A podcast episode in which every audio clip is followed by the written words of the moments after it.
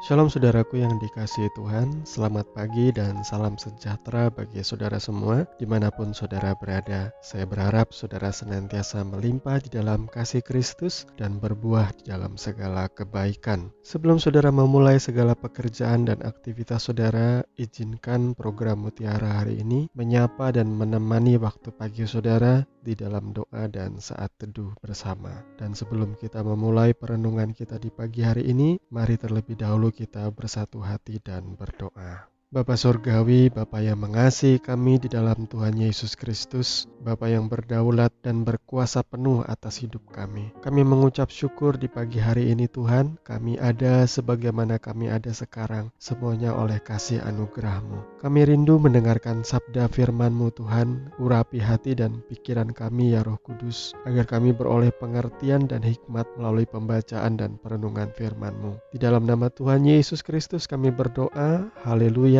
amin. Renungan kita di pagi hari ini akan mengangkat tema tidak mengenal Allah dengan nas firman Tuhan yang terambil dari Hosea pasal yang keempat ayat yang pertama sampai dengan ayat yang keenam. Demikian firman Tuhan, dengarlah firman Tuhan hai orang Israel, sebab Tuhan mempunyai perkara dengan penduduk di negeri ini, sebab tidak ada kesetiaan dan tidak ada kasih dan tidak ada pengenalan akan Allah di negeri ini, hanya mengutuk, berbohong, membunuh, mencuri, berzina, melakukan kekerasan dan penumpahan darah, menyusul penumpahan darah. Sebab itu negeri ini akan berkabung dan seluruh penduduknya akan merana. Juga binatang-binatang di padang dan burung-burung di udara, bahkan ikan-ikan di laut akan mati lenyap. Hanya janganlah ada orang yang mengadu dan janganlah ada orang menegur, sebab terhadap engkaulah pengaduanku itu, hai imam, engkau akan tergelincir jatuh pada siang hari. Juga nabi akan tergelincir jatuh bersama-sama engkau pada malam hari, dan aku akan membinasakan ibumu.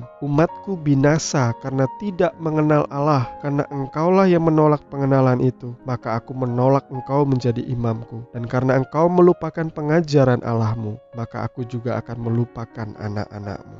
Amin. Saudaraku ayat firman Tuhan yang baru saja kita baca yang terambil dari Hosea 4 ayat 1 sampai 6 itu berisi teguran yang sangat keras melalui Nabi Hosea kepada jemaat Tuhan bahkan kepada para imam dan nabi pada waktu itu. Karena kejahatan menjadi-jadi di dalam kehidupan jemaat. Orang-orang hidup di dalam dosa, mengutuk, berbohong, membunuh, mencuri, berzina, melakukan kekerasan dan penumpahan darah demi penumpahan darah. Tuhan murka melihat kualitas kehidupan dan moral jemaat Tuhan pada masa itu sehingga Tuhan menggambarkan kematian moral dan karakter umatnya dengan menggunakan istilah umatku binasa karena tidak mengenal Allah.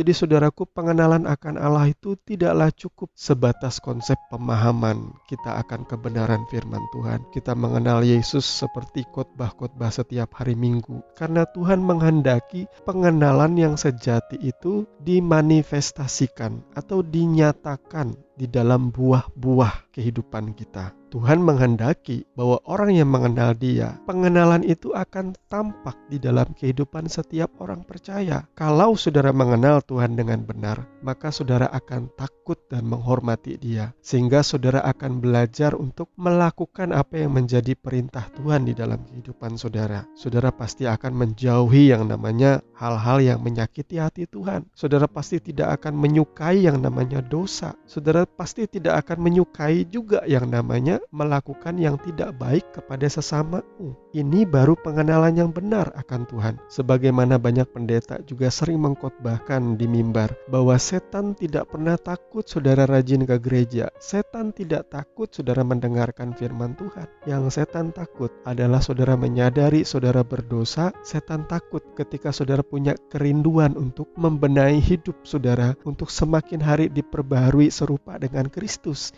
itu baru setan takut sama saudara karena saudara sudah menemukan esensi dari makna pengenalan akan Tuhan yang sejati. Jadi saudaraku pengenalan akan Tuhan itu sesuatu yang jauh lebih dalam daripada sekedar hanya mengerti atau mengetahui konsep secara alkitabiah semata. Pengenalan itu berbicara sesuatu yang lebih mendalam yakni berkenaan dengan relationship kita dengan Tuhan setiap hari. Pengenalan yang benar itu akan selalu diikuti dengan yang namanya pengalaman yang sejati, pengalaman setiap hari berjalan bersama Tuhan. Saya percaya saudara akan jauh lebih mengenal seseorang, tidak hanya ketika saudara membaca biografi tentang orang itu, tetapi ketika saudara bergaul setiap hari dengan orang itu, saudara bersahabat setiap hari dengan orang itu, saudara pasti akan mengenal siapa dia jauh lebih baik, jauh lebih mendalam, jauh lebih detail. Inilah yang diungkapkan oleh firman Tuhan di dalam Matius pasal 16 ayat 13 sampai 17 yang berkata, "Setelah Yesus tiba di daerah Kaisarea Filipi, ia bertanya kepada murid-muridnya, Kata orang, siapakah anak manusia itu? Jawab mereka, ada yang mengatakan Yohanes Pembaptis, ada juga yang mengatakan Elia, ada pula yang mengatakan Yeremia atau salah seorang dari para nabi. Lalu Yesus bertanya kepada mereka, tetapi apa katamu? Siapakah aku ini? Maka jawab Simon Petrus, engkau adalah Mesias, anak Allah yang hidup. Kata Yesus kepadanya, berbahagialah engkau Simon bin Yunus, sebab bukan manusia yang menyatakan itu kepadamu, melainkan Bapakku yang di sorga. Berangkat dari ayat firman Tuhan yang barusan kita baca, seandainya hari ini Tuhan Yesus mengajukan pertanyaan yang sama kepada saudara, para pendengar firman Tuhan di kesempatan pagi hari ini. Siapakah aku ini? kata Yesus. Apa jawaban saudara? Apakah saudara akan berkata seperti Petrus atau saudara akan berkata seperti orang-orang lain pada masa itu?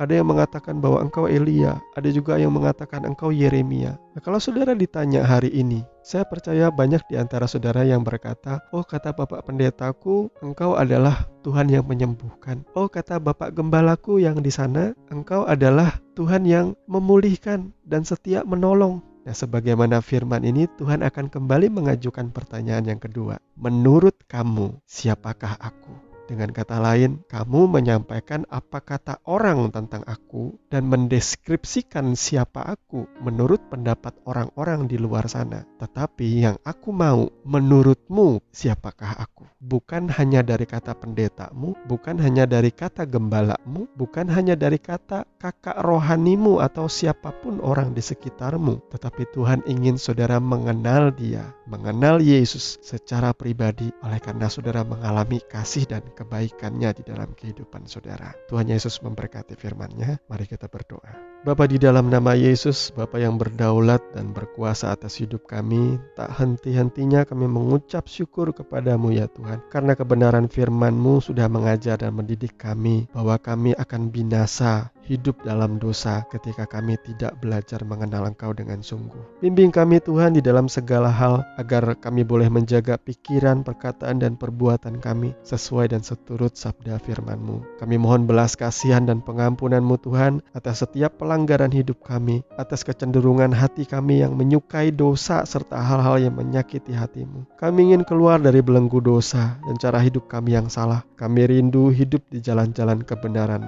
firman-Mu Tuhan. Kami juga berdoa untuk saudara-saudara kami yang masih hidup dalam dosa. Kami percaya mereka menyadari kesalahan mereka tapi tidak kuasa melepaskan diri dari kehidupan mereka yang lama. Roh Kudus kiranya tolong kuatkan dan bebaskan mereka. Diberkatilah kiranya saudara kami yang meringkuk dalam penjara. Kami percaya masih ada kesempatan untuk setiap mereka dipulihkan dan diperbaharui bahkan dipakai untuk menjadi saksimu. Terima kasih Tuhan, kami percaya pengenalan yang benar yang daripada Tuhan, yang roh kudus pimpin kami untuk mengerti akan segala sesuatu, khususnya kebenaran firman-Mu. Karena kebenaran firman-Mu itulah yang memerdekakan hidup kami. Kami percaya Tuhan sudah mengampuni dan membebaskan kami. Di dalam nama Tuhan Yesus Kristus kami berdoa dan mengucap syukur. Haleluya. Amin.